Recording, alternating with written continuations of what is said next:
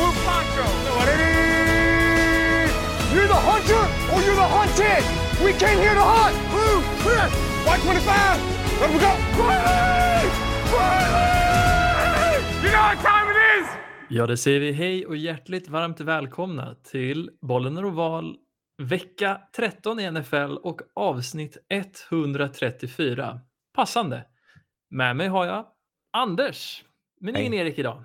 Han är, eh, var är han någonstans? Har du, har du någon koll på det? Han är i eh, någonstans i Mellanöstern. Någonstans i Mellanöstern. Ja, visst. Han är korrespondent nu för Svenska Dagbladet. Jag vet inte riktigt vart han är. Hemlig ort. Ja, sjukt att de Någonstans hörde liksom utanför förra avsnittet. Ja, Exakt. De hörde förra avsnittet med hans liksom, korrespondentljud och tänkte att han ska ju direkt till Karachi. Du, du, men då kommer ju min fråga till dig. Vilket land ligger Samarkand? Det, det om, om, eh, omsjungna Samarkand. Det omsjungna Samarkand. Oj, vad det känns som det är ett av de här stanländerna. Är, är jag på rätt spår? Ja, du är på rätt spår. Oj, oj, oj. Är, han, är, det, är det uzbekiskt? Men lägg av! Är det rätt? Ja, visst. Ja, inte Mellanöstern. Det var jag som hade fel. Ligger i näst största stan i Uzbekistan. Ja, det där är ju helt... Jag har korten på bordet så det var ju bara en chansning att det var Ja, det där var Uzbekistan. men, otippat. Ja, jag är imponerad. men just att det slutar på kand, om man ska tänka på liksom etymologin och så, så känns det ju ja, någonstans där i norra Mellanasien. Nära Indien men ändå inte. Har du hört den? Om du någonsin kommer fram till Samarkand. Nej, vad, vad är det för något? Skrevs av Torsten Bergman. Nej. är det en visa? Ja, Lill Lindfors har gjort det. Oj, okej. Men hur, hur går den då? kommer fram till Samarkand. Fan, om vi, alltså, om vi min, ändå hade min haft... tolkning. Eh, ja, den är klockren. Om vi ändå hade haft resurser, då hade jag velat avsluta podden med den. Men vi är ju tyvärr inte Filip och Fredrik. Nej, Men- vi har inte råd med STIM. Vi kan inte ombesörja STIM. Nej, precis. Men vi är dock väldigt rika på kunskap. Kan inte du berätta vad som har hänt i college? För det var väl slutet på vanliga säsongen där nu Ja, i kny- helgen? Knyter ihop säckar. Jag tror... Man kör ju någon form... Jag är fortfarande novis på det här, men man kör någon form av slutspel. Har gjort i några år. Det är ganska nytt fenomen egentligen. Eh, och det, det är inte förrän om några veckor, så det, det är slut nu. Varje konferens så liksom ru- rundar av med en final. Mellan dem, för varje konf- stor konferens har två divisioner och så möts de. Eh, ACC till exempel, det var Clemson inte ens med i finalen. Clemson har haft ett riktigt bottenår. Det stod mellan Pittsburgh och Wake Forest och vanns av Pittsburgh då. Pittsburgh Oj, med okej. eh, kanske den hetaste QB-prospektet i, i kommande draft faktiskt. Kenny Pickett hette han. Hade en, Ah. fantastiskt sista år och han är på väg uppåt. Vad är det som eh, ut, liksom särskiljer han då från andra quarterbacks? Är han en mobil quarterback eller är han lite mer eh, liksom han är alltid passer? ska vi säga. Han, är, han är, Ah, har det okej. mesta men är inte elit på någonting. Men av alla så är han kanske den, den jämnaste. Så han har, han har ju han har verktygen. Ska vi säga. Men Ah, i, i, det finns ju ingen självklar topp-QB i år och det kommer vi komma till igen. Eh, Big 12 vanns av mitt favoritlag Baylor som slog Oklahoma State. Där var Oklahoma inte med i finalen, det var också otippat. Eh, så Baylor är champs. Fasen vad sjukt. Det är länge sedan som Oklahoma inte vann den titeln va? Det har Ja, väl alltid varit definitivt. Oklahoma Och som Det var väldigt länge sedan de, de inte var med i final, speciellt sen Lincoln Riley tog över. Baylor tror jag inte har varit riktigt bra sen RG3 var stor. va? Robert Griffin III, han spelade QB Baylor, minns jag. Ja, Minns jag, vet jag. Eh, Men, men nu leds de, eh, de har en duktig coach, spelar väldigt bra defensiv fotboll och de, båda de här lagen slog Oklahoma i år och Baylor vann då finalen mot Oklahoma State som annars var rankade högre, rankade nummer fem. Så eh, de här, inget av de lagen kommer vara med i slutspelet. alltså. Tyvärr. Ja, kanske det. Ja, absolut. Oklahoma har svåra år framför sig. Pac-12 vanns, det stod mellan Utah och Oregon och vanns av Utah. Som representerar Oh, södra okej. Pac-12. Det var lite kul. De började säsongen tvärdåligt och låg och grät, men sen så hämtade de upp det och tvålade till Oregon där. Vad gäller prospekt tror jag Utah har en, en väldigt duktig linebacker, kommer inte ihåg vad han heter. Medan Oregon det- har... eh, Thibodeau. Nej, Thibodeau är något annat lag. Thibodeau spelar i Oregon, en edge defender i, i, Oregon. Just så var det. Ehm, har talat som att han kan vara, skulle kunna gå topp fem alltså, riktigt, riktigt duktig. Ehm, men eh, det står kanske mellan honom och Aiden Hutchinson i Michigan som vann Big Ten. Eh, fick i år möta Iowa, det spelar inte så stor roll vem som, för det, det är två olika eh, halvor av Big Ten och det är alltid den östra som spelar bra för där spelar Ohio State och Michigan och, Mi- och Michigan State och det är de tre lagen som har varit bäst på sistone. Penn State är också i östra. Eh, och i Ah, västra det, okej. brukar det antingen vara Wisconsin eller Iowa eller Minnesota men det, det, det är alltid öst som vinner sen, de, sen det har sett ut så här. College förändras ju hela tiden men Michigan är rankade tvåa och kommer spela slutspel. Skitspännande. De har ju Jim Harbaugh som coach. Har varit där i några år men har inte riktigt vunnit med dem. Men i år är det på gången. Det här är ett traditionellt väldigt bra lag men har haft några år- års knipa. Michigan. Michigan Wolverines. De har coola hjälmar. Jo, men precis. Det var väl också de som hade Rashawn Gary och Chase Winovich va, för några år sedan som kom Ja. ut i draften. Ja men riktigt bra defensiv linje och offensiv linje traditionellt. Och tight ends har de ju haft. De pumpar ju ut både George Kittle kommer därifrån och sen samma år Noah Fant och uh, TJ Hawkinson kommer också från Ah, var inte det Iowa? Ja, förlåt, Iowa. Jag blandade ihop de här två nu. Det var de de mötte. Sorry, sorry, sorry. De har ju en väldigt liknande färger. Är inte båda mörkblå och gula? Ja, Iowa är svartgula. De liknar Pittsburgh mycket. Just så. Blågula. Ja, det är sant. Eh, sist men inte minst SEC, den bästa konferensen. Det stod mellan Alabama och Georgia. Georgia har varit dominanta i år med ett kalasförsvar. Men fick tvålen. Alabama vann matchen. Nick Saban eh, ska man aldrig sluta lita på och Alabama gick därför upp eh, överst i rankingen. Eh, Fan vad sjukt. det, det är rätt sjukt. Trots att de har alltså, vacklat. Alltså de har inte varit så bra som de traditionellt har varit och förlorade. De har en förlust i år, det tror jag var mot Texas A&M. De har varit nära i flera matcher raka på stryk. Men de har en riktigt duktig QB som inte kommer gå i denna draft. Han heter, jag kommer inte riktigt ihåg vad han heter, men han är nog favorit att vinna Heisman Trophy också. Så det, det, det var väl han de seglade med och, och vann då. Men det är faktiskt ett eh, Group of Five-lag som ska spela slutspel. Cincinnati är rankade fyra. Eh, de som spelar i A, AC, ja, jag är lite dålig på den här konferensen, men det är traditionellt två, två halvor av eh, eh, ja, det finns ju hur många lag som helst och systemet är riktigt märkligt. Men Cincinnati är ett av lagen som ska joina Big 12 faktiskt. Om ett par år så kommer både Cincinnati, eh, BYU, Houston och UCF tror jag går med i Big 12. Så att det blir 12 lag på riktigt, för där kommer Oklahoma och Texas lämna. Så det händer Ja, mycket. just det. Men var, vart går Oklahoma och Texas? Går de, de till någon ska till annan? SEC. Ja, Just, just. de ska, så inte nog med att de tappar sin coach där Oklahoma och Texas går det svinigt dåligt för också. De har Steve Sarkisian som coach och förlorade i år mot Kansas. Brutal förlust. Eh, så alla skrattar åt de här två lagen just nu och så ska de åka och stångas i SEC. De kommer ju få, alltså där de ju möter svårare motstånd. Så eh, det här är en, ett lyft för Big 12 och eh, det är, roligt. Så det är alltså, de kommer mötas, i semifinalerna blir det Alabama mot Cincinnati. Och Åh, vad rolig eh, match. Georgia mot Michigan. Eh, Fan vad kul slutspel ändå. Ja. Med två, alltså Michigan är väl inte riktigt en ny, ny spelare på scenen, men i alla fall i kontext av slutspelet. Ja, de sista åren, absolut. Precis, och Cincinnati, jag menar det enda jag vet om Cincinnati är att det är alma mater till Travis Kelce, om jag inte har fel. Jaha, ja, det, det är möjligt. Ja, ja Bearcats.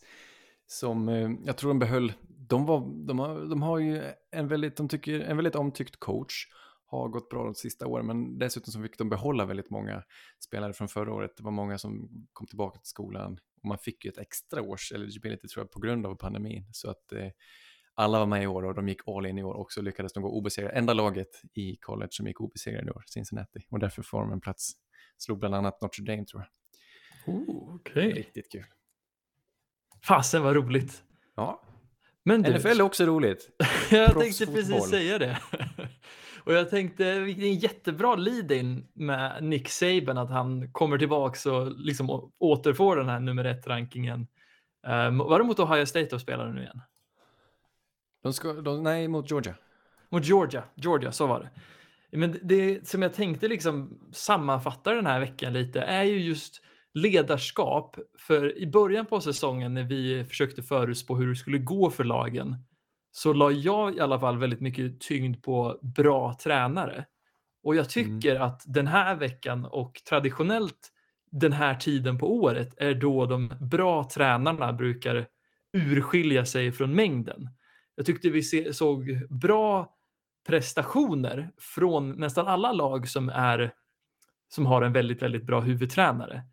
Eh, jag tittar till exempel på Dolphins som ni var väldigt kritiska till, som jag också var ganska kritisk, eller, eller jag var väl mer, jag trodde på Brian Flores men, och trodde att de skulle lösa det och det har ju sannerligen inte varit enkelt för dem.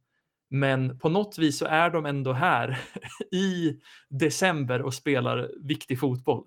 Ja, vilket är rätt sjukt med tanke på deras start. Ja, ja det är häftigt. Ja, men det, det, det absolut all cred till tränaren och, och ledningen och ledarna i laget som lyckas vända det. Verkligen. Eh, och på ett lite oväntat håll. Jag trodde ju att Nick Caserio, huvudtränaren i Eagles, skulle vara lite av en train crash. Han kändes som någon sorts liksom syndabock som skulle få sparken efter ett år.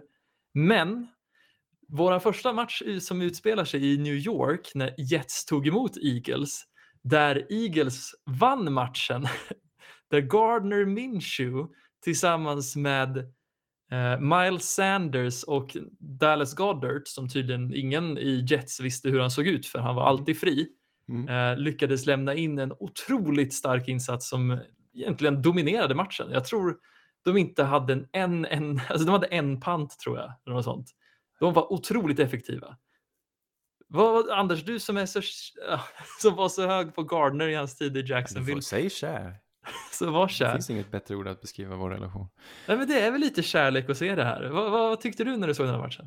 Jag blev också glad. Det var alltså, underhållande offensiv match till en början åt båda hållen. Zach Wilson gör kanske säsongens bästa match också för Jets eh, räkning. Och till en början så är det väldigt jämnt. De, de, de gör bara poäng. Eh, Men till slut så får väl Eagle greppet om matchen. Och det är roligt med att Gardner Minshew får lysa lite. För att han är en sån stjärna, han är en sån karaktär.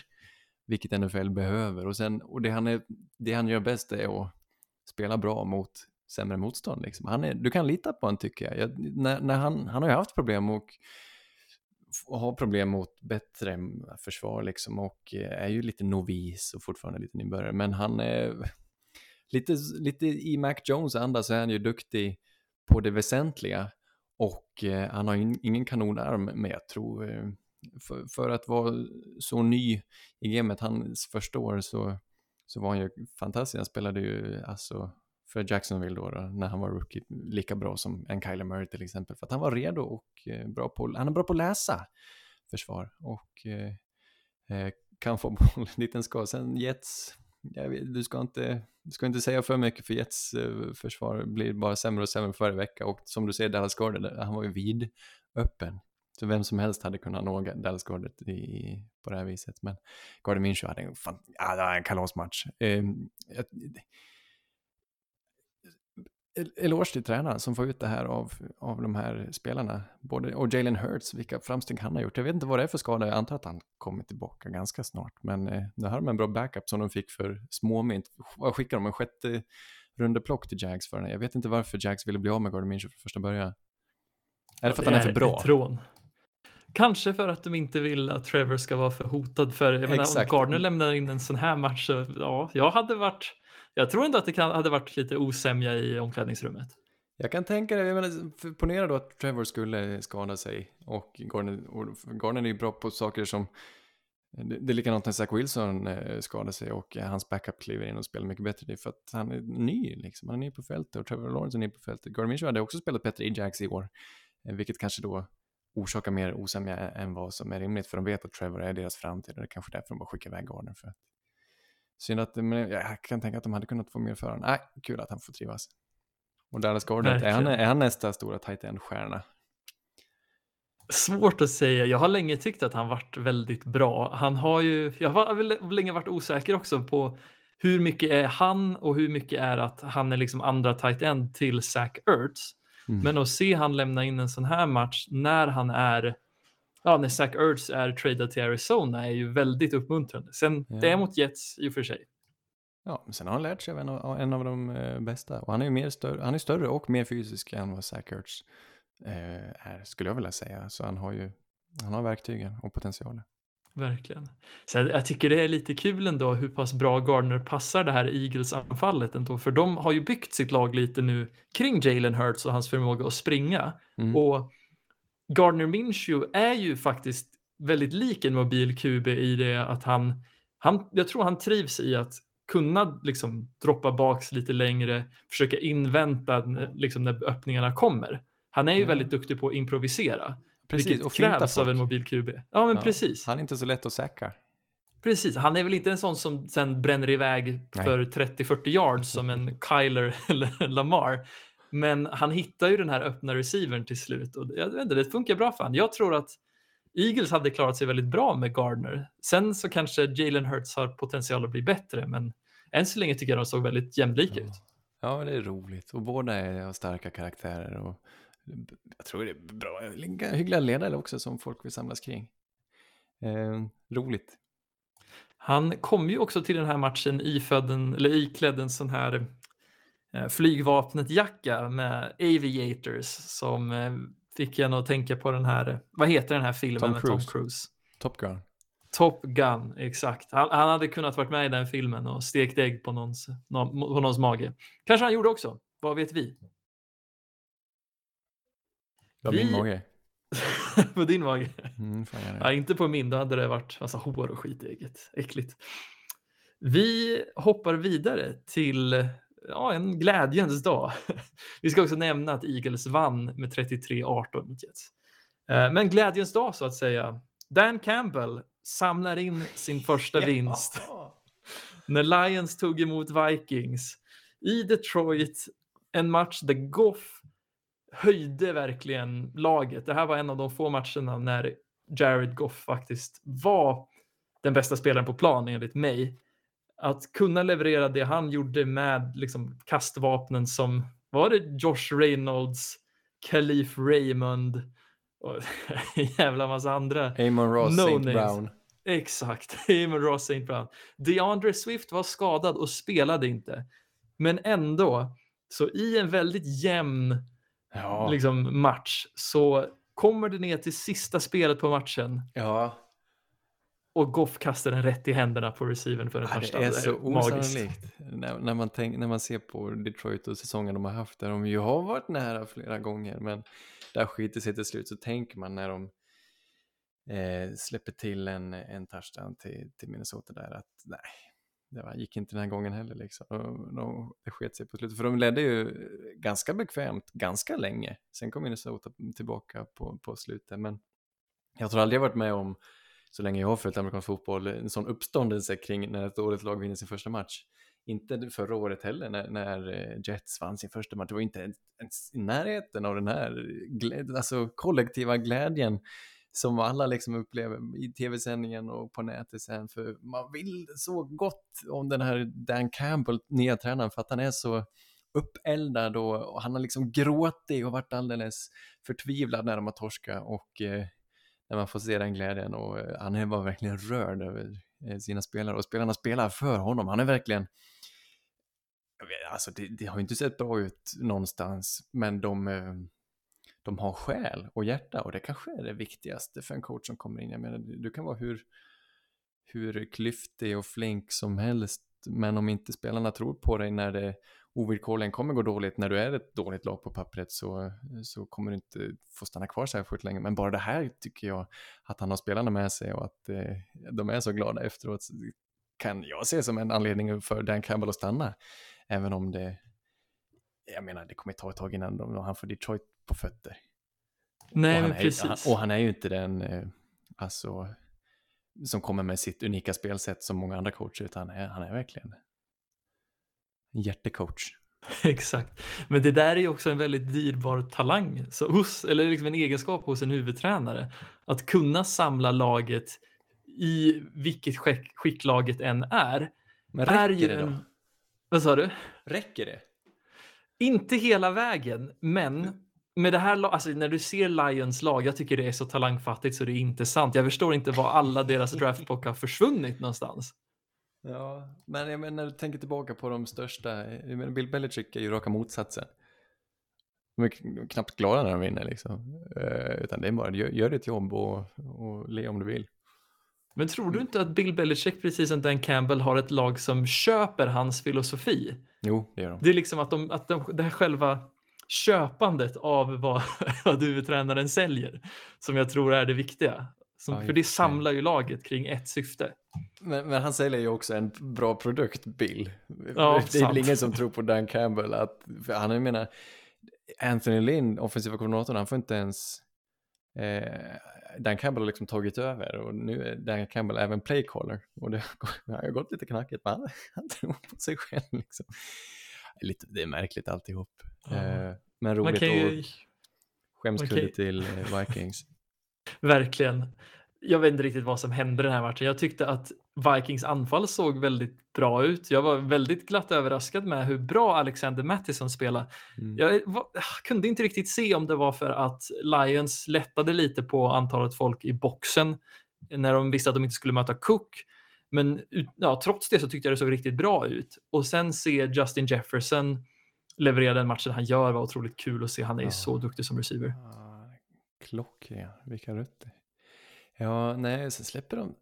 Ja, Alltså är det någon som ska bära skulden? Är det kanske Simmer och det försvaret de trottar ut. Alltså när Detroit, det är inte, har de en och en halv minut på sig ja, och de måste ha en touchdown och så spelar de väldigt eh, långt tillbaka och på sista spelet, spelet är liksom på fourth down med inga sekunder kvar. Och Cameron Dantzler släpper världens kudde till Amon St. Brown igen, som liksom, helt utan någon förklarlig anledning egentligen. Det är olikt Simmers försvar och han har dem inte där han vill. Och nu Minnesota har torskat två matcher på rad, de som ju var en klockren kandidat att faktiskt slinka med i slutspelet på, NF, på NFC-sidan, eh, har det nu tufft igen. Trots Verkligen. så potent anfall med Kirk Cousins som spelar en av sina bästa säsonger med Justin Jefferson. Det är beklagligt. Ja, ständigt en besvikelse det där och jag håller med. Alltså det där sista spelet och se Danzler ge den kudden. Det känns som att vad fan tänker de med? Hur kan de vara så allergiska mot att för jag menar, Am- Amon Ross St. Brown är ingen stor kille. Cameron Danzler kan ju trycka ner han i gräset om han vill. Ja, fast Danzler är Jag ännu mindre. Han var ju en Jag, pinne. jag kanske är lite för gubbig här. Danzler är en pinne. Han har inte mycket att komma med. Nej, men det har ju inte Amon Ross St. Brown heller. Bo- Det är är liksom två vandrade pinnar som bråkar. Ja. Eh, kan det bli två stora tränarfall efter säsongen, undrar jag. Eh, Mike Zimmer är en kandidat att bli sparkad tyvärr. Precis som Pete Carroll i Seahawks just nu kanske kan ses som en kandidat att sparkas eller få lämna jobbet åtminstone. Det, det kan hända saker. Verkligen. Hade jag varit kul jag- att se dem byta lag bara för att liksom få lite frisk luft. För Jag, jag tänker på det ibland, vad få tränare det finns egentligen som har varit på sin post en längre tid. Eller hur? Det är Mm. liksom Carroll, eh, Mike Tomlin, Bill Belichick, Sean Payton. Eh, Harbaugh är väl en Jo- kandidat John också. Harbaugh har ju varit ganska länge nu liksom. Och, men även han, han har ju inte coachat sitt lag i tio år tror jag. Utan det är... Ja, Nej, det är väl eller ungefär tio år kanske. Men ehm, i, i, annars är det väldigt mycket tränarbyten på de här lagen. Och snart kanske försvinner två av de veteranerna. Spännande. Sen har vi väl fått mycket nytillskott. Jag ser ju att liksom Sean McDermott kommer ju inte förlora sitt jobb på väldigt länge till exempel. Samma Nej. med Sean McVay och liknande. Nej, kan man tänka sig. Det är nog en... Det råkar bara vara en sån period nu tror jag. Precis. Generationsskifte. Ett exakt. paradigmskifte. Jag tänkte på det här med Dan Campbell och Bill Belichick. Är inte de två sidor av samma mynt? För båda kan ju samla laget, men Bill Belichick är ju liksom den här städade hedgefund-killen. Han styr ju en tight, ett tight skepp. Liksom. Ing, här får man inte bryta regler. Medan Dan Campbell är den här konstnären som röker gräs i en sack och säck. Som liksom, han bara vibar med sina, med sina vad heter det, spelare. Vad investerar han i då? Eh, Dan Campbell. Ja. Ja, det är väl ostbågar när han får the munchies. Men han har, jag vet inte fan, han har ju den här liksom emotionella som folk köper medan Bill Belichick är liksom där hårda, intelligenta liksom. Ja, det är sant. Jag gillar det. Men eh, vi ska inte ropa hej än. Vi ska inte, jag tänker inte utlova att Dan Campbell stannar i Detroit i tio år. Jag tänker inte säga det. Nej, Det hade varit otippat, det hade varit kul. Eh, precis. Eh, Lions vann för övrigt den här matchen 29 mot 27. Vi ska helt enkelt hoppa vidare och jag tänker att vi behandlar Ravens som reste till Pittsburgh och mötte Steelers. En otroligt jämn match, en väldigt rolig match. Eh, där Pittsburghs eh, försvar spelade väldigt jämnt med Baltimores anfall och satte eh, väldigt mycket press på Jackson. Jackson kom ändå till skott ett par gånger och rest, med resten av anfallet och lyckades göra ett par poäng och leda matchen in i fjärde kvarten när Pittsburgh leder en otrolig revansch på 17 poäng för att sen Mm. bör leda matchen. Och till slut så lyckas liksom Lamar få till en drive i fjärde kvarten där han leder laget hela vägen ner till endzone, gör en touchdown, eh, ligger då under med ett poäng och bestämmer sig för att göra en two point conversion. Och den träffar, eh, ja, Lamar lyckas få en ganska bra snap och kastar iväg bollen. Den är lite off target, men den träffar ändå Mark Andrews i händerna när han liksom måste slänga sig vid, ja, i endzone då. Ja, Och den rinner ur händerna. Åh, vad synd. Men en jävligt Ah. rolig match. Vad tyckte du? ja, nej det är häftigt. Det, det är kanske nästan att Baltimore förtjänade denna förlust. De har haft, får man säga att de har haft lite flyt med sig liksom. De hade resultatet 8-3 inför den här matchen och det är inte man- ska ju inte inbilla sig att det här är AFCs eh, bästa lag för de har väldigt stora brister. Baltimore på många vis men sen förtjänar de att spela slut eh, förstås. Men, vad, men rolig, det roligaste måste jag säga är att de går för, eh, går för en tvåa där när det är ett poäng upp istället för att ta det till overtime. Men Justin Tucker det är, och, det är inte otippat med John Harbaugh, eh, men jag gillar det. Jag tror inte, sånt här höll man inte på med för 10-20 år sedan. Då, kör, då körde man mer konservativt, men nu tänker man annorlunda och eh, även om det inte lyckades så måste jag säga att det var rätt beslut. Jo, men precis. Det, här, det är bättre att stänga matchen där när Pittsburgh var så pass heta som de var i fjärde kvarten. Det finns inga garantier mot att de hade lyckats eh, bättre i, i övertid. Ja. Pittsburgh oklart lag alltså. De matar Deonta Johnson. De pekar ut ett par spelare, Najee Harris, Deontay Johnson, så matar de bara. Jag tror han, han har hur många targets som helst den här killen. Eh, vilket college kan han ha spelat? Han, hade, han kommer från en mindre skola tror jag, Deontay Johnson. Eh, jag vågar inte säga vilken det är. Men han är, han är kul. De har ju, de har ju några vapen, liksom eh, Chase Claypool, Deontay Johnson, Judy Smith-Schuster. Alla som har spelat kanske oväntat bra, men ingen är riktigt elit ändå på något vis. Eh, och eh, alltså Steelers, de, de vinner på bra coachning, bra kultur, men Big Ben, så, vad, vad tror du om det som kom ut där om att han hade eventuellt sagt att det här ska vara hans sista säsong i Pittsburgh? Ah, jag tror det är klokt. Om något så tror jag att alla, alla inklusive Ben känner väl att han har inte så mycket kvar i, i gasen liksom. Jag vill ju, alltså jag, ty- jag saknar ju ändå lite den här Ben-tiden när han kunde kasta, ja, kasta sig galen varje match liksom. Antingen fem interceptions eller fem touchdowns. Eh, på den här tiden när han hade både eh, Juju Smith-Schuster och Antonio Brown. Men ah, det är lite passé. Jag tycker faktiskt att det är lite han som håller tillbaks det här anfallet, för det här anfallet är ser absolut. bra ut på pappret, men de kan liksom inte kapitalisera på det och jag tror det är därför som det, den här matchen var så jämn, för om de hade haft en mer kompetent quarterback så tror jag faktiskt att de hade kunnat dra iväg lite mer den här matchen, för jag, jag vet inte. Jag tyckte Ja. inte Baltimores försvar var så bra. Nej, och han tar och ger Big Ben och har alltid gjort det, men han tar mer och mer för varje år. Jag minns förra året hade han kanske en match som var så här riktigt elit. Året innan hade han ett par, tre matcher åtminstone. I år har han inte haft en enda. Det var väl en av hans bättre matcher, men det, här, det räcker ju inte till ändå i längden och det är definitivt slut. Om inte han lägger av så kommer de ju så får de ju bara putta ut honom därifrån. Det, det funkar inte längre. Det märkliga är att de inte har någon bakom honom. De har ingen, ingen vettig backup och ingen framtidslösning. Det är lite konstigt hur länge han har varit kvar och hur mycket de heter. Eh, tråkig nyhet. Baltimore Ravens förlorar eh, inte bara Marcus Peters nu då, utan eh, deras andra Nu Ah, Marlon. Humphrey. Marlon Humphrey har skadat axeln och ser ut att kunna missa resten av säsongen. Ja, Decimerat av skador det här laget alltså. också. Mm. Det är så sjukt för jag tycker att Baltimore är ju lite som en spegelbild av Steelers. Där Steelers har liksom det bra paketet men en tveksam quarterback.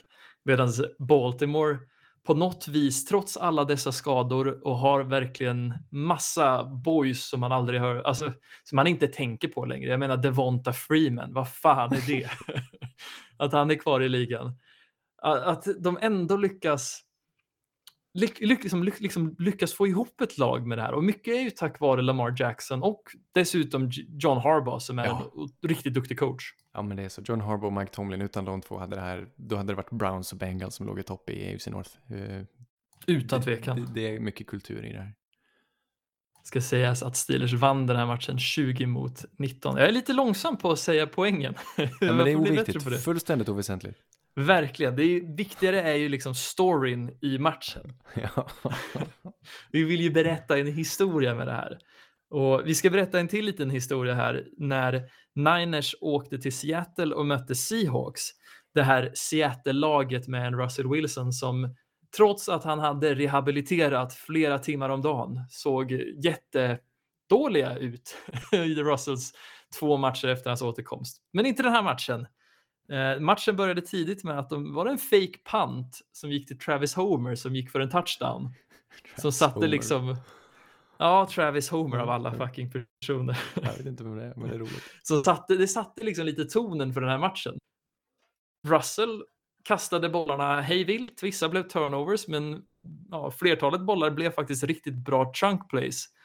Eh, han har ju kanske ligans bästa djupledsboll. Det är helt otroligt hur han kan använda anticipation för att droppa in dem. Eller vad säger du Anders? Ja, det har han. Och det har han alltid haft. Och det är det som gör honom så magisk. Eh, starkt att vinna den här matchen. Lite otippat eh, får jag säga. Men det st- starkt av er också. Det var innan de torskade mot fotbollsteam förra veckan när vi satt och poddade och sa ni kan, kan Seahawks ta det här. Fort Niners blir lite hämmade av Debo Samuels skada. Och det stämmer ju. Eh, Ja, de är Fort- otroligt hämmade, tycker jag. Fort Niners, eh, dock, alltså matchens lirare är inte Russell Wilsons, matchens lirare är George Kittle. Jag tror han har bortåt nästan 150-200 yards. Magisk var han. Eh, och det var en riktig sån där mangling han bjöd på, som han, han kan göra ibland när han inte är skadad, vilket är eh, större delen av tiden. Men det här är, det är så vackert att se en sån stor, stark tight end manglad som han kan göra, som Rob Gronkowski kunde, kan fortfarande kanske göra i viss mån. Eh, det är väldigt få spelare som når den nivån. Travis Kelce har det inte, det är inte den typen av tight end, men vissa, vissa har det och det är så fantastiskt vackert. Nu räcker det inte hela vägen. Det är Jimmy Garoppolo kanske som kastar bort den här, har ett par olägliga interceptions ju. En Verkligen. till Quandre Diggs eh, som gör att Fort Niners som ju jagar en slutspelsplats är absolut med i, i snacket. Nu torskar mot Seahawks, deras eh, akilleshäl kanske. Seahawks har en tendens att eh, vinna över Fort Niners just. NFC. West är lite sånt där. Fort Niners slår alltid Rams. Rams slår alltid Seahawks och Seahawks slår alltid Fort Niners. Det är hjulet. Exakt. Cardinals är väl lite utanför där för de har pendlat lite upp och ner i kvalle men ja, jag vet fan, det är en otroligt rolig division och jag vill också poängtera att interceptionen som Jimmy kastade rätt i händerna på Bobby Wagner var riktigt illa också. Jag vet inte fan. Jimmy är ju så här, han, han är ju okej, men så fort han gör misstag så sätt, alltså han kommer ju aldrig vara den som skapar magi för sitt lag. Nej. Det var ju, alltså George Kittle gjorde ju några riktiga dunderrutter den här matchen som räddade upp det lite, men ja, om det sker massa misstag på quarterback-positionen så har de svårt att hämta igen. Så en lite sämre variant av Kirk Cousins typ. Det- Ja, det det man- verkligen. Kanske inte riktigt det man vill ha. Inte konstigt att de trädde upp för att drafta en framtida stjärna. Precis, precis. Och sen, ja, som du, jag tyckte du slog verkligen huvudet på spiken med att de saknar Debo Samuel för det känns som att det här anfallet, det lever och dör lite genom sättet de använder han på.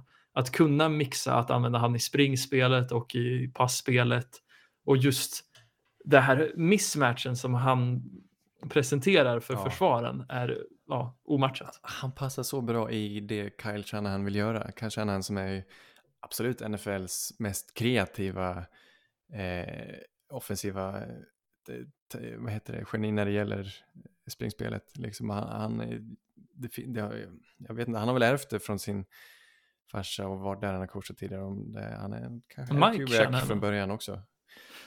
Ja, ja, jag vet inte fan. Mike Shanahan eh, coachade i Denver Mm. väldigt länge och Mike Shanahan var det de sista LOE-åren som han var tränare där. Och han coachade ju bland annat Terrell Davis, om jag inte minns fel. Mm. Eh, Men ja, jag vet inte fan om det är Kubiak som han har fått mycket. Jo, det är definitivt Kubiak som han har fått mycket inspiration från. Jag vet inte fan om Mike, hans pappa, har fått så mycket inspiration från Kubiak dock. Nej, så kan det vara. Så kan det vara. Nej, kul. Men eh, tungt, tungt för 49ers. Ja, de hade, ja, som sagt, de hade ju aspirationer på slutspelet, men det här sätter ju definitivt käppar i hjulet. Men på samtidigt, det är ju inte omöjligt att Seahawks kommer göra en liten comeback nu och Ja, kniper nej, platsen. men säg inte det. Fyra vinster, åtta förluster. Ska- Då ska de vinna de fem sista då. Hade du inte velat se Travis Homer i slutspelet? jag förstår mig så. Men det jobbiga är att se, jag ser också under den som tar sig dit. Men sen vet man att de kommer ändå åka ut i wildcard. För Pete Carroll tänker, han tänker, han tänker nu, nu, nu ska vi springa med bollen. Det är bra. Vi behöver inte göra poäng. Det Russell, var Russell ta det lugnt. Inga misstag nu. Ja, det blir massa fem yard slants för Russell i slutspelet. Inga djupledsbollar, då kan vi torska matchen. Ska vi avrunda med den bästa matchen? Det ska vi definitivt. En väldigt low scoring match, men Inte kanske en jag av vet de inte om det mest var den spännande. mest sevärda, men äh, en av de, de som kommer gå till historien Verkligen. den här veckan. här den, var du- ju- den mest minnesvärda är det, definitivt. Definitivt. Om det är någon match som man ska se den här, ja, den här gångna veckan så är det den här. Det är Patriots som besökte Bills i Orchard Park, Buffalo. Vann med 14-10. En match som bestod av mycket regn och rusk. Inte så mycket regn, men mer jävligt kallt och en jävla massa vind. Ja, blåst. Ja, som fan. Men det sjuka var att Patriots ledde, ja, både försvaren dominerar ju i den här matchen när det var så pass svårt att få igång ett anfall med tanke på vädret. Men Patriots hade ändå en matchplan med att springa mycket med bollen. Ser här att Mac Jones, han kastade bara tre gånger. Känns lite av ett skämt. För de hade Ja. de lite mer konsekventa drivesen. Tyckte jag i alla fall. Det är sånt himla jippo. Han kastar, han har tre passförsök. Det är så, det är så vackert, så att man blir varm i hjärtat och, och, tapp, och får tillbaka tron på, på den här sporten och den här ligan. Det är helt fantastiskt roligt att eh, ett lag, eh, när det blåser, tänker Nej, fan, vi, vi, vi, vi kastar inte alls, vi bara, vi bara köttar och så får vi vinna matchen också. Eh, kanske mer på Bills o, inkapacitet att, eh, alltså Bills hade ju någonstans ändå det offensiva övertaget och borde ha vunnit den här matchen för Bills. Jag tror, mm, de var i red zone fyra gånger, hade en touchdown eh, på de fyra gångerna. Patriots var i red zone en gång och har ingen touchdown på dem. Det enda touchdown Patriots hade är ju på en lång Damon Harris eh, run, en liten pitch där eh, jag tror största syndabocken i Bills var Micah Hyde som blir totalt, alltså han, han biter på Damon Harris som bara mm, vänder tillbaka och hittar luckan och springer för bara 70 yards eller någonting en touchdown. Och därför lyckas Patriots till slut vinna det. Eh, så Bills misstag på misstag på misstag är de mest dumma situationerna. Jag tror Bills, jag, hör, jag lyssnar på någon, det finns en, eh, jag lyssnar på den idag, en podcast eh, med Joe, vad heter han, Joe Lombardi? Eh, duktig kille som har Locked On Bills heter den. Eh, väldigt pedagogisk. Som, han, han sa det att Bills snittade sina drives, började från sin 40 yards, eh, från 40 yards medan Patriots började på sin 23 yards linje i snitt. Och ändå är det Patriots som vinner matchen. Det är ganska makabert egentligen. Det är rätt sjukt. Jag tyckte liksom att Bill, jag tycker, ja, det är sjukt att du säger att de var i red zone fyra gånger. Jag tror att det kanske är lite dopat för det var ju i slutet som uh, Allen hade två trips till, red, alltså Mm. till den röda zonen. Eh, annars så tyckte jag det var väldigt fattigt liksom resten av matchen. Ja, och en tredje var en, en muffed punt av Nikhil Harry. Den som Just ja, vad fan var det? När jag, alltså, när jag såg det där. Alltså Nikhil Harry gör det rätta beslutet i början och undviker att liksom röra bollen när han märker att panten, ja den är inte riktigt som man förväntade sig att han skulle få den.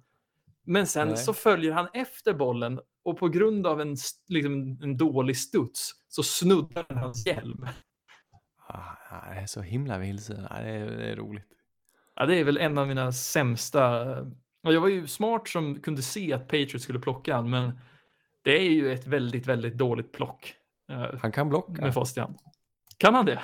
Ja, ja, det, ja, det kan han. Det är därför han är kvar i laget, tänker jag. För det, de har ju nytta av han. De, han. Han spelar ju många snaps och är en kapabel blockare. Så nästan så att man skulle lägga på sig några kilo och spela tight end. Men han är... Han, ja, han, har, han får ju bära med sig det att han eh, plockades i första rundan av Patriots, som aldrig plockade en receiver i första rundan. Plockades före A.J. Brown och DK Metcalf som gick i andra rundan. Eh, Terry McLaurin som gick i tredje eller något sånt Debo Samuel. Fan, hela Debo den receiver-klassen var stacked. Ja, och en sån som Debo eller A.J. Brown hade passat klockrent i Patriots också. Det var ett tokigt plock, men de har hämtat sig ändå liksom. Och det här är, det är en sån... Det är en sån näve ner i strupen på Bills från eh, Patriots liksom. Det måste vara så isande att de traditionellt har haft det så svårt mot Patriots och här i, i en match där de Patriots kastar tre gånger så åker de på torsk ändå liksom. De, det är också en sån här akilles här liksom. Det funkar inte och det måste vara så eh, som att luften går ur Bills nu. Jag vet inte hur de ska hämta sig från det, för de har inte de har inte de här veteranerna i laget längre som kan ta upp dem ur nederlag. Kommer ihåg typ en sån som Lorenzo Alexander, Mm. linebacker som var kvar i några år extra liksom. Och han, kommer inte ihåg vad han hette, men det är en eh, duktig kille på defensiva linjen som var liksom veteranen. Han var ju hjärtat i Bills och nu tror jag en av de mest, en som har varit i laget längst, det är typ Josh Allen alltså. Och han- draftades ju 18, det, det finns inga kvar. Nej, Eh, precis. Och jag vet inte hur de ska hämta sig upp ur den här gyttjan liksom. För de vinner alltså matcher, de flesta matcher mot sämre lag, men de, de har inte den avgörande faktorn i viktiga matcher som den här matchen som de definitivt i alla avseenden ska vinna. Nej, tokigt. Och Patriots går upp i ledning i AFC. Och har första sidan. Ja, det är så sjukt. Alltså, om man ska titta lite på Bills eh, med det du nämnde så jag tycker ju att det börjar lysa igenom lite. Just att de har vacklat så pass länge och varit så inkonsekventa. Jag tror mycket av den här skulden går att lägga på just Brian Dable, deras offensiva koordinator. För Jaså? på pappret tycker jag ändå att det här laget ser bra ut. Jag vet inte om deras offensiva linje kanske har tagit en hel del stryk. Jajamän, de spelar sämre i år än vad de ska eller vad de gjorde förra året. Sen, är de, Ja, men då, ja. sen överpresterar de kanske förra året. De har ju ganska mediokra namn på, på de flesta positionerna. Förutom en kul överraskning i form av Spencer Brown från en små skola i år som nog har satt in på tack, alltså de spelar right tackle. Eh, fysisk man eh, vet jag. Jag tror, tror knappast vi nämnde honom inför draften, men han, är, han gör stor skillnad när han inte är skadad. Ah, okej, okej. Ja, men ja, som sagt, då, då kanske man inte kan skylla helt på offensiva linjen heller, utan det jag tittar mycket på med Bills som får mig att liksom se att jag undrar liksom vad de håller på med är deras de har ju alltid haft den här filosofin de senaste åren att ja, men vi springer inte med bollen. Vi låter Josh kasta den så mycket som möjligt. Mm. Det är liksom inte hållbart. För det Nej. sätter sån enorm press på Josh och han gör det bra under omständigheterna. precis. Och det, det är väl lite det. Det funkade förra året när det var nytt. Och i år har de dragit tillbaka lite på det, men då har de också ett lagbygge som inte kan springa med bollen. De har inte linjen som kan vara dominant eh, i, i diket liksom. Och de har framförallt inte, trots att de har lagt så mycket krut på det, så har de ingen vettig running back. Och det är ju, alltså det, det ska inte vara ett problem, men de är så pass undermåliga att det har blivit ett problem. De draftade Devin Singletary ganska högt och året därpå Zach Moss ganska högt och slängt en del kapital på de här och de duger inte till någon av dem. Plockade in Matt Breida, eh, snabba, väldigt snabb liksom, som åtminstone har lite fart då, men han har en fumble den här matchen och gör att delvis att de förlorade. Så det, det, det är lite pinsamt med tanke på hur, hur mycket de har försökt att de inte kan hitta ens en running back som många andra lag liksom plockar in från gatan. Verkligen. Jag tycker ändå Zach Moss och Devin Singletary har talang, men det är ju lite som du säger, det är kanske de som är lite sämre än vad man förväntar sig, men jag tror också mycket Ja. att de inte riktigt får den rollen som de, är, som de skulle trivas i. Och jag vet inte, jag väl, har väl en liten hate-boner mot Dable just nu. Ja, nej det vet jag inte om de ska, men, ja, men det, de kanske inte är, de utvecklas inte i det här laget. Nej, precis. De, precis. ibland så glimtar de till, vi har ju sett jättefina spel från båda två, men eh, de är absolut inte jämna, extremt vacklande. Och sen kan de inte bestämma sig vem som de ska spela. Jag menar första veckan så var inte ens Zach Moss med. För de, de, nej, ja, det är så himla märkligt. De satte han lite, han gjorde en fumble liksom var det första veckan och sen så fick han inte spela på flera veckor vad fan det var. Det är nästan som att man skulle, bara för sakens skull, göra en investering. Kanske plocka någon free agent eller någonting. Jag, jag vet inte. Ja, men precis. Någon som är lite mer rutinerad kanske. Ja, nej det är tungt och jag, det här är ju mitt favoritlag i AFC och jag känner inte riktigt tilltro. De ska de har ju, de är på pappret starkare, definitivt en Patriots, starkare än de flesta lagen, men de har inte lag, det, det är något som saknas, någon, någon laganda som gör att de inte vinner matcher och jag tror inte på dem längre, inte i år.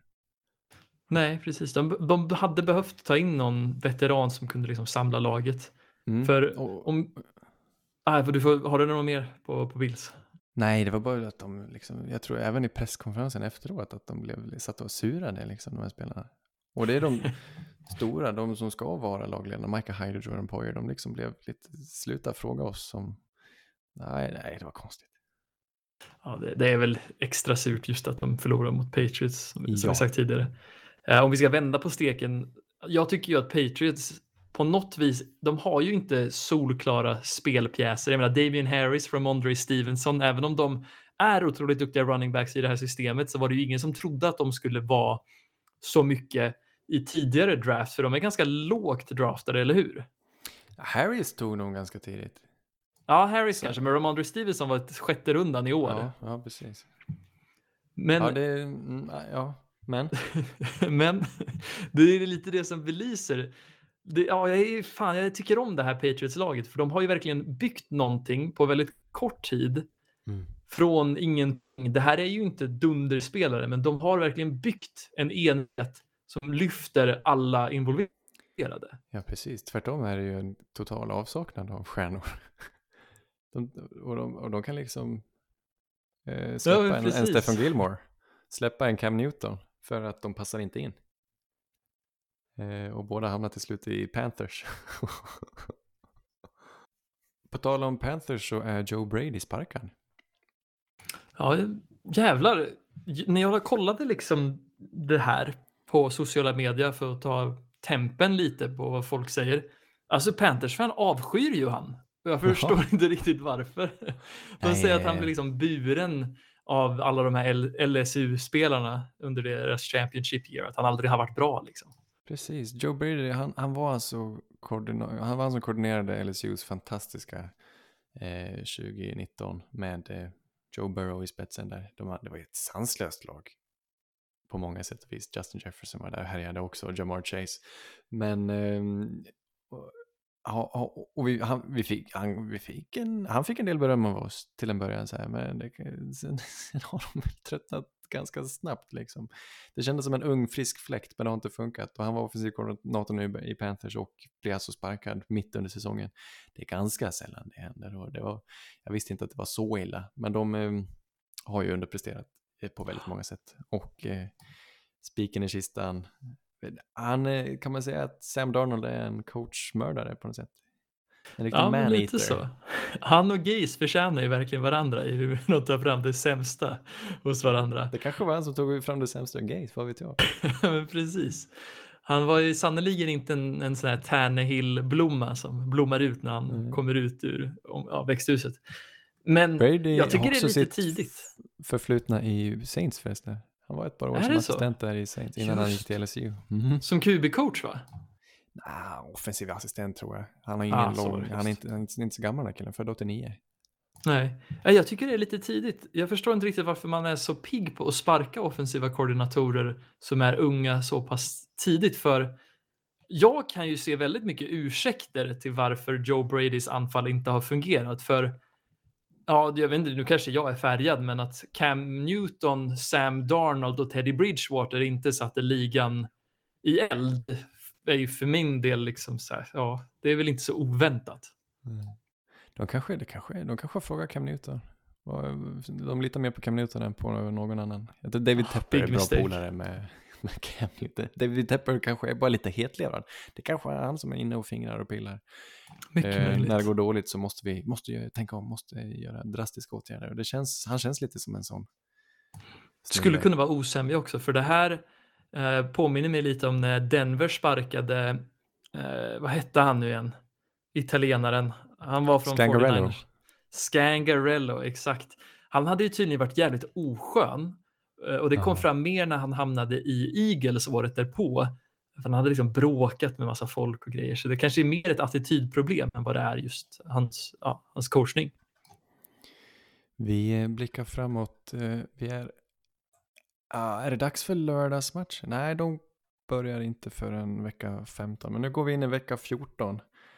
Eh, ska vi ta den på söndag där? Vi har Ravens mot Browns, ganska viktig match. Två väldigt skadade lag. Baker Mayfield eh, skadad i hela kroppen. Eh, Browns piskade att vinna. Ravens eh, satsar på en återkomst. Vad tror du? Cleveland är favoriter, två och en halv poäng. Ja, jag ringade in den här matchen när jag tittade framåt för jag tycker att den känns väldigt spännande och det känns avgörande för de här lagen i liksom hur slutet på säsongen kommer gå för dem. Båda tampas väl lite om att försöka plocka den här första sidsplatsen. Eh, Det är inte omöjligt att Browns vinner den här matchen för de har ju fått tillbaks Chubb och Hunt på sista tiden och det kanske räcker för att liksom ta sig förbi det här skadade Ravens och kanske är liksom bortfallet av Marlon Humphrey tillräckligt för att öppna mer ytor i passspelet. Ja. Vad lustigt att de möts igen. Det var ju också en märklig match där. De, de möttes ju förra veckan där Lamar kastade fyra interceptions men Ja, just det. ändå gick hem med segern. Ja, stackars Browns anfall alltså. Eh, Vore det inte rättvist om Ravens, alltså om Lamar kastar 400 yards och förlorar den här matchen? Det är någon annan du tänker på, någon match här? Vad sa du? Är det någon annan match du tänker på? Ja, jag sitter och kollar här och det är lite tråkigt nu när man jobbar att man inte får se klockan 10 matcherna. Jag, jag trodde inte att det skulle vara så pass illa, men nu när man är en vuxen så är det klockan sju matcherna man hinner se och sen så är det bums i säng för att sen börja knega på måndag. Så Jaha. därför så är jag lite, jag är lite på samma ställe som dig, fast jag är på andra sidan eh, i en annan konferens och, och rotar. Jag tänker på cowboys mot Mm. football team. Ja, det, det kanske är veckans match. Ja, Så, och där har vi att säga. faktiskt. Där har vi också ett lag som jag inte riktigt trodde.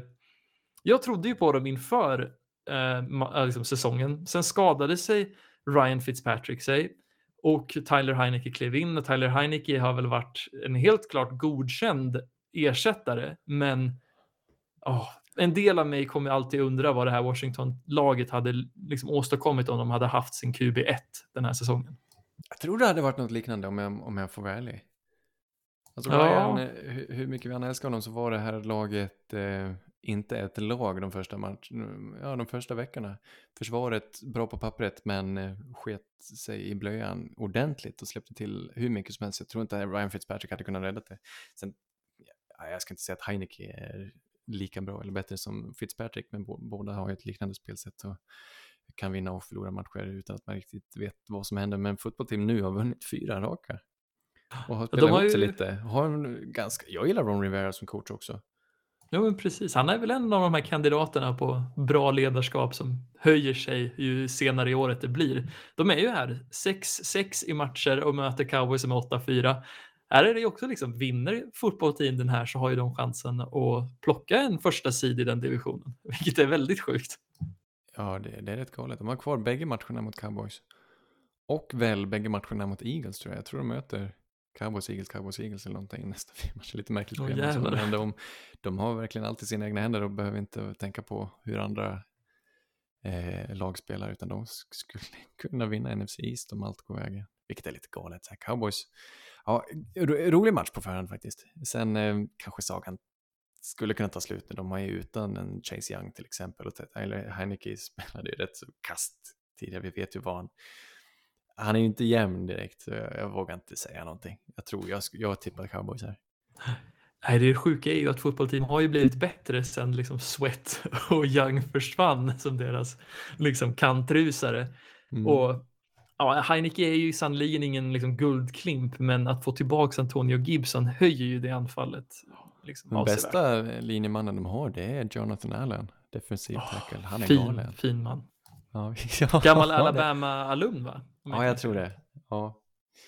Eh, Men vi måste ju nämna eh, kort två till. Det är Bills Bucks eh, och sen Monday Night Football är det Rams Cardinals. Bills Bucks, viktig match. Bills piskade att vinna nu igen då. Buccaneers, Alltså de, att gå från Patriots till Tom Brady och Buccaneers måste ge, alltså vad heter det, PTSD? Ja, verkligen.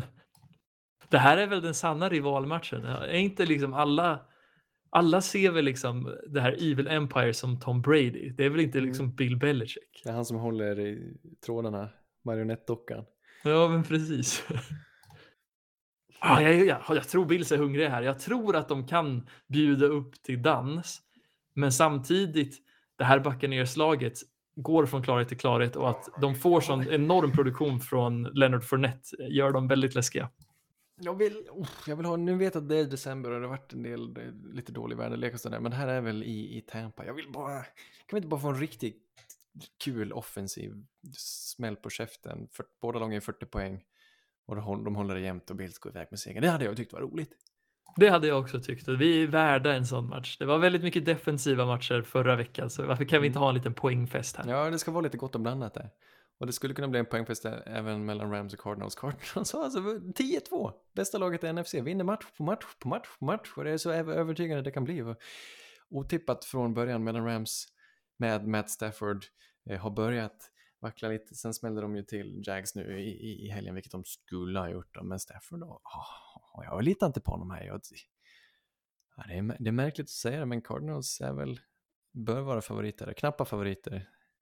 Nej, ja, precis. Handikapp, Rams har ett handikapp 2,5 poäng trots att det är på Cardinals hemmaplan. Man brukar säga att bara hemmaplan ger 3 poäng till sin egen fördel, så det här är helt jämnt egentligen. Nej, precis. Och Matthew Stafford har ju den här fula ovanan som gammal Detroit-spelare att ja, inte, inte kunna leverera mot bra lag. Men fan, det vore så värt för Rams om de kunde splitta sin head-to-head -head med Cardinals. Cardinals tvålade ju till dem tidigare i året och ja, jag vet inte. Jag kan lätt se att Cardinals tvålar till dem igen Speciellt om Daryl Henderson inte spelar den här matchen, för han blev ju en liten överraskningsfrånvaro eh, förra matchen. Fick Sonny Michel ta, ta liksom lead-rollen som running back istället. Vet du vad som är roligt?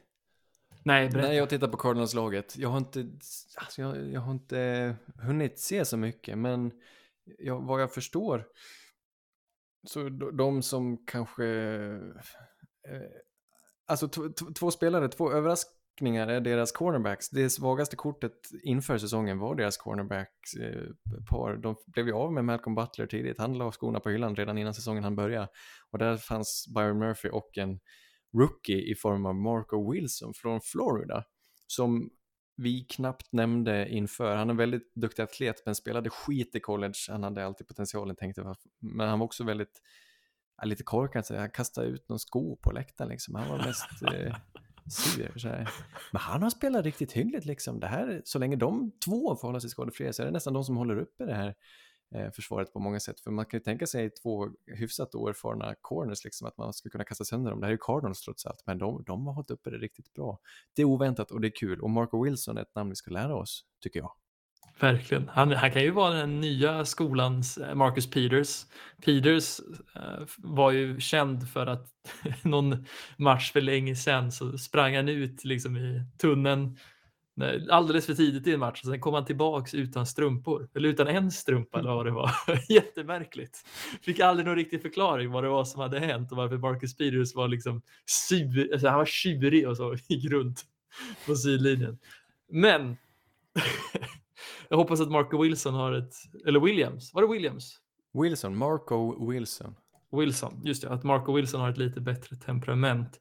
Det här Cardinals-laget är en överraskning för mig, men jag har ju ja, anammat dem. Jag känner ju att de, är ju, de ger ju skäl att vara det bästa laget i ligan och det blir man genom att få eh, en överraskande bra bidrag från sina rookies. Ja. Skomannen. Skomannen, ja. Kan inte han kasta ut en sko på läktaren den här matchen igen? I typ segersyfte då. Ja, men det har han inte råd med vet du. Ja, han kanske bara har ett par skor. Tror... jag tänkte mer att man får bö böta. Ja, ah, sant, sant. 100 000 kronor, det är rätt mycket för en rookie tror jag. Ja, kan inte han ge skon till någon som har råd? Kan inte typ DeAndre Hopkins sula ut den där? Ja, bra idé du. Ja, det är ändå bra för DeAndre Hopkins brand, för han är ju lite, lite sömnig sådär. Han hade behövt hotta till det. Mm.